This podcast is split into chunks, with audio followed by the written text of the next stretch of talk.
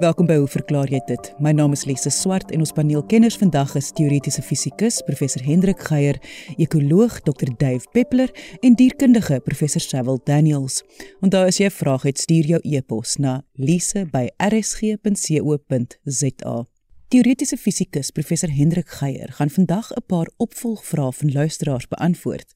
Die eerste opvolgvraag kom van Johan Uys van Belwel en sy vraag kom na aanleiding van die program soos uitgesaai op 14 Mei 2023 rakende die vulling van 'n warmwaterfles. Johan skryf: Ek het 'n eenvoudige eksperiment gedoen deur my warmwaterfles tot sy volle kapasiteit van 1.6 liter met kookwater, dis nou 100 grade Celsius, te vul en vervolgens ook tot 0.8 liter. In beide gevalle is die temperatuur na 3.5 ure geneem met 'n termokoppel.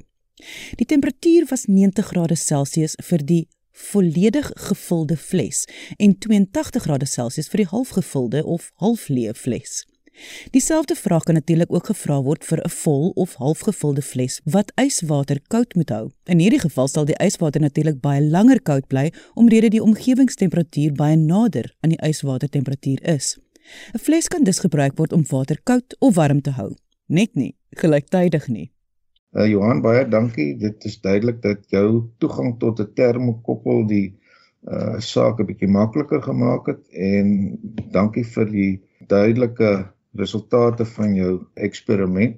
Ek het nogal gehou van die van die effense borduring oor die oor die yswater uh, wat die fles natuurlik koud kan hou en soos jy sê mens kan natuurlik nou nie goed gelyktydig koud of warm hou nie.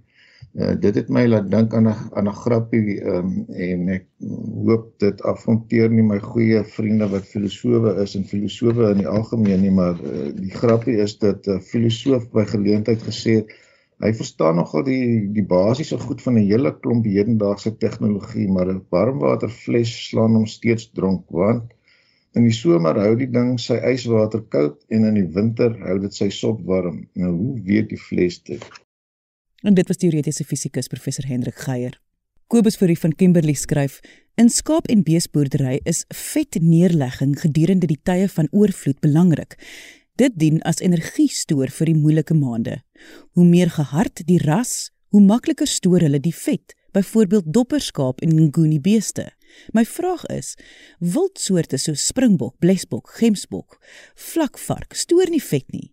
Die enigste uitsondering waaraan ek kan dink, is zebras. Hoe stoor hulle oortollige energie? Dit lyk of diere in koue areas op aarde wel vet stoor, byvoorbeeld takbokke. Dierkundige professor Sewil Daniels gaan vir ons Kobus se vraag beantwoord. 'n Mens moet onthou dat in die algemeen by soogdiere kan die vet op 3 verskillende plekke neergelê word.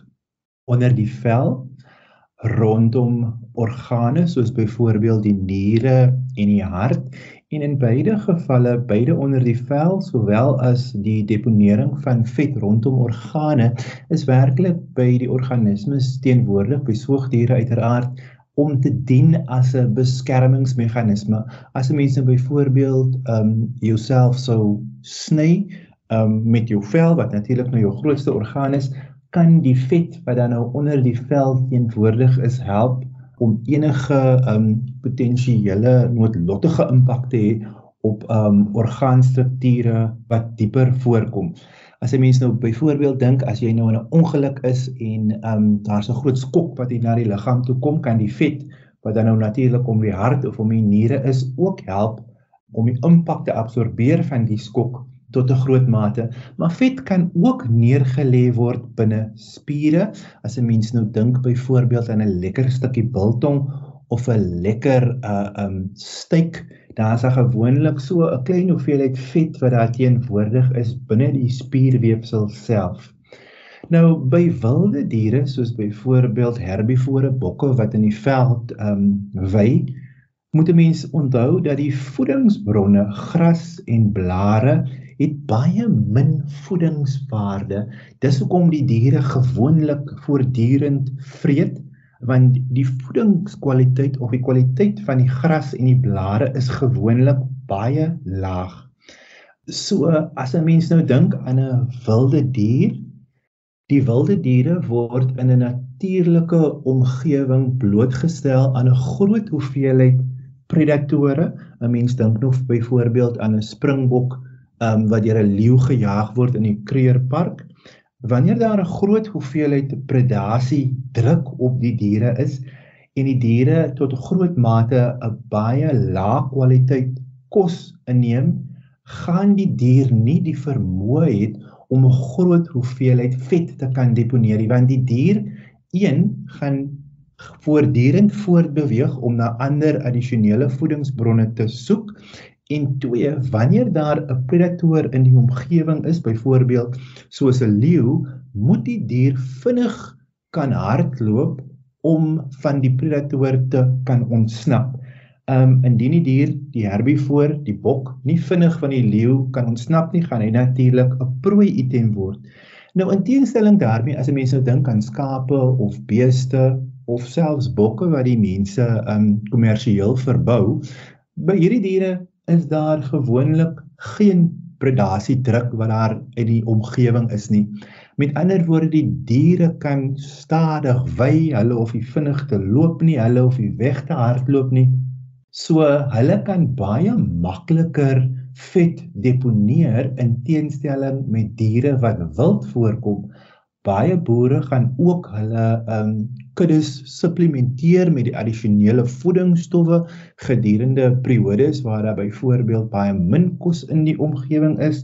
So werklik die hoofredes hoekom wilde diere baie minder vet teenwoordig het is as gevolg van die feit dat hulle voortdurend voortbeweeg Hulle het 'n baie uh, lae kwaliteit kos wat hulle vreet en sekerlik die mees belangrikste aspek is daar is baie hoë predasie druk in 'n natuurlike habitat uh omdat die diere dan nou makliker deur predatore soos byvoorbeeld leeu's of wilde honde um of hyenas miskien selfs of luiperde gedood kan word en omdat daar hierdie predasie druk teenwoordig is moet die dier die vermoë het om maklik te kan ontsnap 'n mens kan net maklik van 'n predator ontsnap as jy redelik slank is. So dit is dan die rede hoekom daar baie minder vet teenwoordig is in wilde diere in vergelyking met diere wat kommersieel verbou word vir menslike gebruik. En dit was dierkundige professor Sable Daniels. Kobus Trigard van Nelspruit het ook 'n opvolgvraag vir professor Hendrik Geier, na aanleiding van die onlangse vraag oor die gloeilamp in die braaiplek wat so lank gehou het. Kobus skryf: Hitte word oorgedra deur uitstraling van infrarooi strale. Die filament in 'n gewone gloeilamp gloei teen 'n baie hoë temperatuur en meestal is daar 'n vakuum in die gloeilamp. Glas is deursigtig en laat seker die meeste elektromagnetiese golwe deur. As die infrarooi dan ook onverstoord deurgelaat word, hoekom word die glas dan warm? En ook nog, met die filament teen ongeveer 1200 grade Celsius of meer, hoekom word die glas dan nie ook tot 'n baie hoër temperatuur verhit nie? Nou die punt is Kobus, daar is 'n mate van absorpsie in die glas. Dit al die infrarooi straling word nie deurgelaat nie. Uh en dit is hoekom die glas dan warm word. Nou wonder jy as die filament, die gloeidraad dan tot uh, 1200 grade warm word, hoekom word die glas nie ook so warm nie? Ek dink dit is 'n eenvoudige kwessie van die verskil tussen warmte of hitte en temperatuur. As 'n klein dingetjie 'n hoë temperatuur het, het hy nog nie baie warmte nie en daai warmte moet nou oorgedra word aan hierdie aan hierdie glasomhulsel. So uh dis 'n kwessie van die hoeveelheid warmte wat oorgedra word. Die glas word warm, hy kan so warm word dat hy jou vinger gaan brand, maar nie 1200 grade Celsius soos wat die gloeidraad self warm word nie. En dit was teoretiese fisikus professor Hendrik Geier. Onthou as jy 'n vraag het, stuur jou e-pos na lise@rsg.co.za. Hendrikus Rabie uit die Oeverberg het vir teoretiese fisikus professor Hendrik Geier 'n vraag. Hendrikus skryf: As ek 'n standaard plastiek watertank het wat so plus minus 2200 liter kan hou en dit is vol, dan is die water wat onder by die uitlaat uitkom onder 'n sekere druk as gevolg van die hoogte van die watermassa, die sogenaamde head.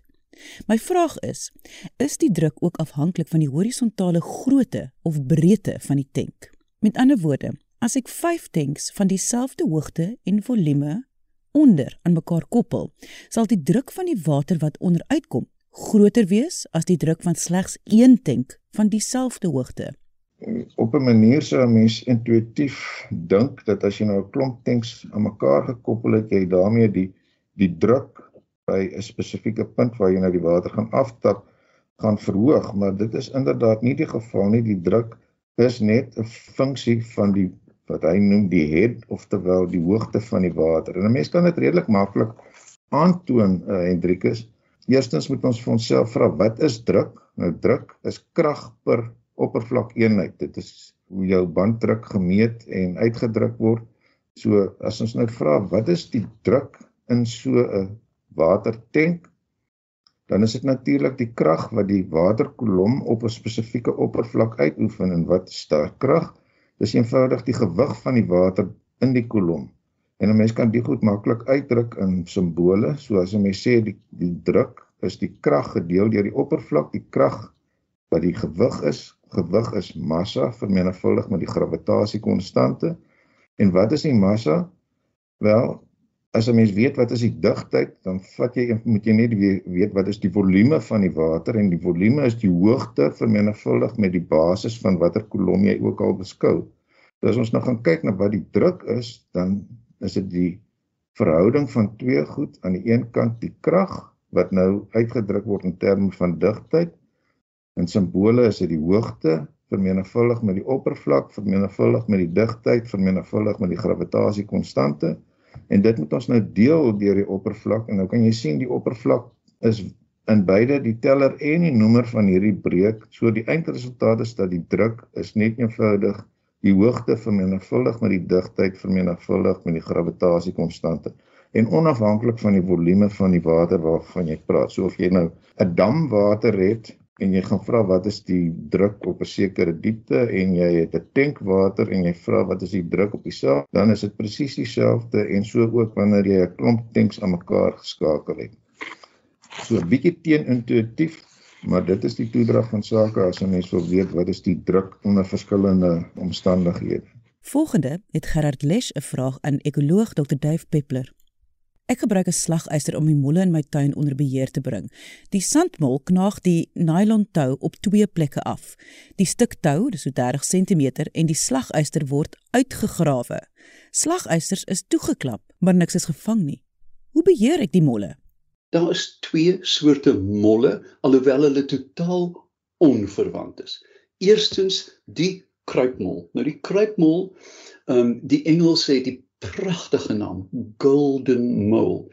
Weet jy Lise dat my pa het in ek het dit ongelukkig te steek kewers opgeëet, maar my pa het het 'n paar handskoene gehad wat hy in die Kaap by die parade gekoop het van met molvel uitgevoer. Dit was die warmste handskoene op aarde.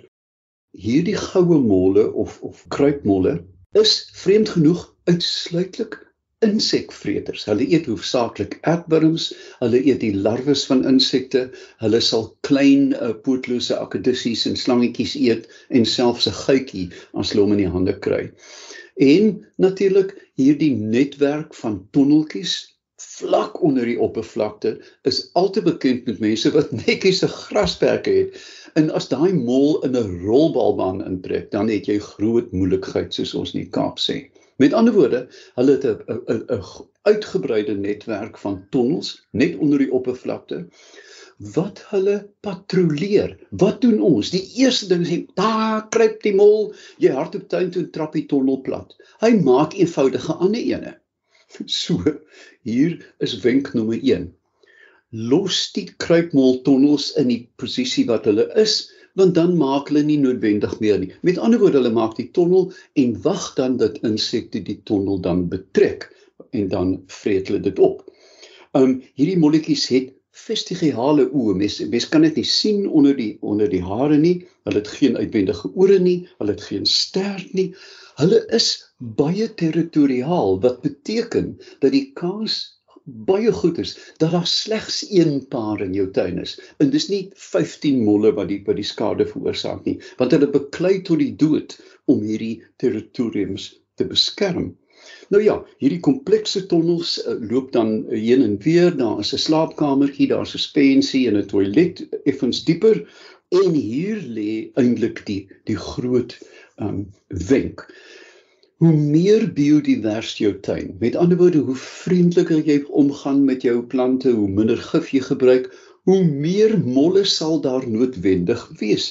Dit is eintlik jou sertifikaat van biodiversiteit. Maar ek vermoed ons luisteraar verwys hier, jy weet die vraag is die sandmol knag. Dit klink byna na 'n uh, uh, uh, uh, reeks op Netflix, die sandmol knaag. In elk geval, en ek vermoed die sandmol verwys hier na die groot Kaapse tuinemol. Dis 'n ding so groot soos 'n kat. Um uh, dis eintlik 'n blesmol. Hulle is 27 tot 35 cm lank, het 'n klein stertjie 3 tot 4 cm en hulle is groot. Hulle is so groot dat jy hulle netjies in 'n oondpannetjie kan pak. Ek bedoel dit op Robberg het ek duinemol geëet saam met stowe patats. Dit is nie sleg nie, dit smaak so effens na hoender. Um maar hulle is uniek. Hulle het so 'n varkagtige neus. Um want die naam is Bathyurgus suilis wat verwys na die varkneus. Geen ore uitwendige ore nie, geen skrotum nie. Die lippe sluit om die groot tande wat so uitsien. Kyk, dit lyk mos altyd soos 'n uh, spotprenttekenaars met die varkneusie en die groot tande wat so uitsteek. Hierdie tande groei deur die lewe van die dier en moet gedurig stomp gehou word. Hulle het 'n vermoë om die lippe om die tande te sluit sodat grond nie in die keel afgaan nie. Hulle het 'n dik pels en vreemd genoeg 'n lae liggaamstemperatuur hier om en by 35 grade Celsius uitsluitlik weer plantvreters teenoor die eh, kruipmolle wat insekvreters is. As jy as jy hulle al ken, hier teen laatmiddag, dis die piek van hulle aktiwiteit, alhoewel hulle enige tyd van die dag of nag mag beweeg, want hulle weet nie noodwendig wanneer dit dag of nag is nie, want hulle kom nooit na bo nie, tensy hulle versuip. Dan ehm um, kan jy sien hoe 'n gras polletjie letterlik skielik onder die grond verdwyn. Hy word ingetrek en dan weet jy dis daar wat hom intrek. En dan natuurlik is hulle baie lief vir knolle en bolle en die hemel help jou as jy 'n tuinbedding het met sappige bolle. Hierdie uh, kaland sal hulle almal opvreet. Hulle tonnelstelsels is ontsaglik ontsaglik kompleks. 50 tot 500 meter per een dier. Dit is 'n half kilometer en jare gelede 'n studie by uh, die Universiteit van Kaapstad het bewys dat hierdie molle 30 metrieke ton grond per jaar omset. Met ander woorde ondergrond wat boontoe gebring word. En hier lê natuurlik 'n baie belangrike sleutel. Dat hierdie molle grondingenieurs. Boonbehalwe dat hulle jou tuin knak of seermaak, dolwe hulle grond om, hulle deurlig dit, hulle mis diep onder die grond. Met ander woorde, hulle is uiters belangrike skakels in die ketting van biodiversiteit. Hoe beheer ons die molle? Wel, jy kan gif gooi, jy kan skiet, jy kan die gat oopmaak en daar sit met 'n punt 22 wat die ou mense 'n saloon genoem het. Dan moet jy afgetree wees, jy moet 'n hoed en 'n pyp hê en 'n fles koffie. Dit gaan lank neem om die goed uit te neem. Jy kan slagyster stel soos ons ehm um, luisteraar. Nou ja, dit is 'n manier sekerlik om hulle te beheer, maar dit is vir denkende mense en bewuste mense nie die manier nie. Daar's twee maniere. Die een is om hulle fisies uit jou tuin te hou. Met ander woorde, ehm um, 'n ondeurdringbare laag tot op 'n half meter diep om die tuin wat jy wil beskerm te begrawe en dan kan hulle letterlik nie deurdring nie. Tensy dit hard reën hulle uitpop en oorloop. Maar gewoonlik sal dit help. Maar daar is 'n beskaafde manier en ek weet tuiniers gaan vir my kwaad wees Lise. Kom ons verdier hulle liewers. Want weet jy beide die kruipmol en die stootmol is eintlik jou sertifikaat van die natuur wat sê jy boer biodivers en dit was ekoloog Dr Dave Peppler. Laastens het Kobus Trigard van Nelspruit nog 'n vraag aan teoretiese fisikus professor Hendrik Geier. Ons weet E is gelyk aan mc kwadraat dat energie nie vernietig kan word nie en dat energie en massa dus uitstraalbaar is. My vraag is, verhoog die massa van die aarde daagliks en is die energie wat ons ontvang meer as dit wat weer deur die aarde uitgestraal word?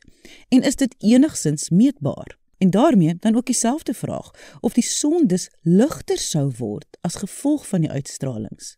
Ek, ek dink die belangrike punt om te maak uh, Kobus is dat E gelyk aan mc kwadraat is wel universeel waar, maar dit kry eintlik net neerslag in prosesse wat tipies met die kern self te maak het, met ander woorde in kernversmelting soos in die son en in kernklowing soos in kernreaktors byvoorbeeld en ook wanneer materie en antimaterie uh in kom ons sê maar botsing gebring word soos byvoorbeeld wanneer 'n elektron met 'n positron bots dan is die resultaat dat die massa van die twee omgesit word volledig in in straling.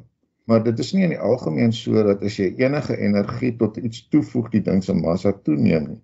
So die feit dat die aarde die hele tyd van die son af sonlig kry, uh, beteken nie onmiddellik dat die aarde se massa uh, dienooreenkomstig toeneem nie. Daai energie uh, word gebruik om dit so te stel om dinge te verhit en die massa van die aarde word nie daardeur beïnvloed nie. Aan die ander kant vra jy ook oor die feit of of oor die moontlikheid dat die son self se massa afneem en dit is inderdaad so. So om nou net weer terug te keer tot die proses baie kortliks kom dit daarop neer dat uh, waterstofkerne wat eintlik maar protone is onder die omstandighede wat in die son heers, geweldige hoë temperatuur daar genoeg energie het om saamgedruk of versmelt te word. En anders as byvoorbeeld ons gewone verstaan van hoe hoe massa manifesteer. Byvoorbeeld as jy twee los bolletjies klei het en jy weeg hulle en jy druk die twee saam en jy weeg dit weer dan weet ons almal die die die massa van die saamgedrukte bolletjie klei is presies die som van die twee afsonderlike bolletjies maar dit is nie hoe dit werk by kerne nie. So 'n heliumkern se massa is uiteindelik 'n klein bietjie minder as die som totaal van die protone of waterstofkerne wat in eerste plek by hierdie versmelting betrokke was. En dit is daardie oortollige energie wat dan uiteindelik in die vorm van straling en in die vorm van deeltjies soos neutrinos weggedra word. En daar kan 'n mens inderdaad presies bereken hoe hoeveel energie per kernversmelting deur E gelyk aan die massa verskil maal c kwadraat te gebruik.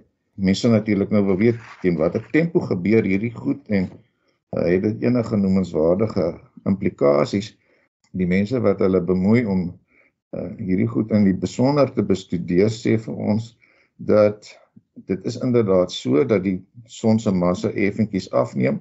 Dien ooreenkomstig hierdie son dan 'n effens swakker swaartekragveld en onder andere het dit die implikasie dat die planeetbane effentjies groter word. Maar hoeveel groter? Wel hulle sê vir ons dis van die orde van sentimeters per jaar. So 'n mens kan jou amper nie voorstel dat so 'n klein effek meetbaar is nie, maar skynbaar is dit moontlik om oor etlike jare hierdie soort effek uh, te kan waarneem. 'n Mens kan 'n paar syfers aan hierdie stellings koppel deur byvoorbeeld na die liggewendheid van die son te gaan kyk, dan kan jy bereken dat die son per sekonde omtrent 4,3 maal 10 tot die mag 6 miljoen ton aan massa verloor. Nou dit klink geweldig baie, Aan die ander kant, die son se massa is omtrent 2 maal 10 tot die mag 27 ton.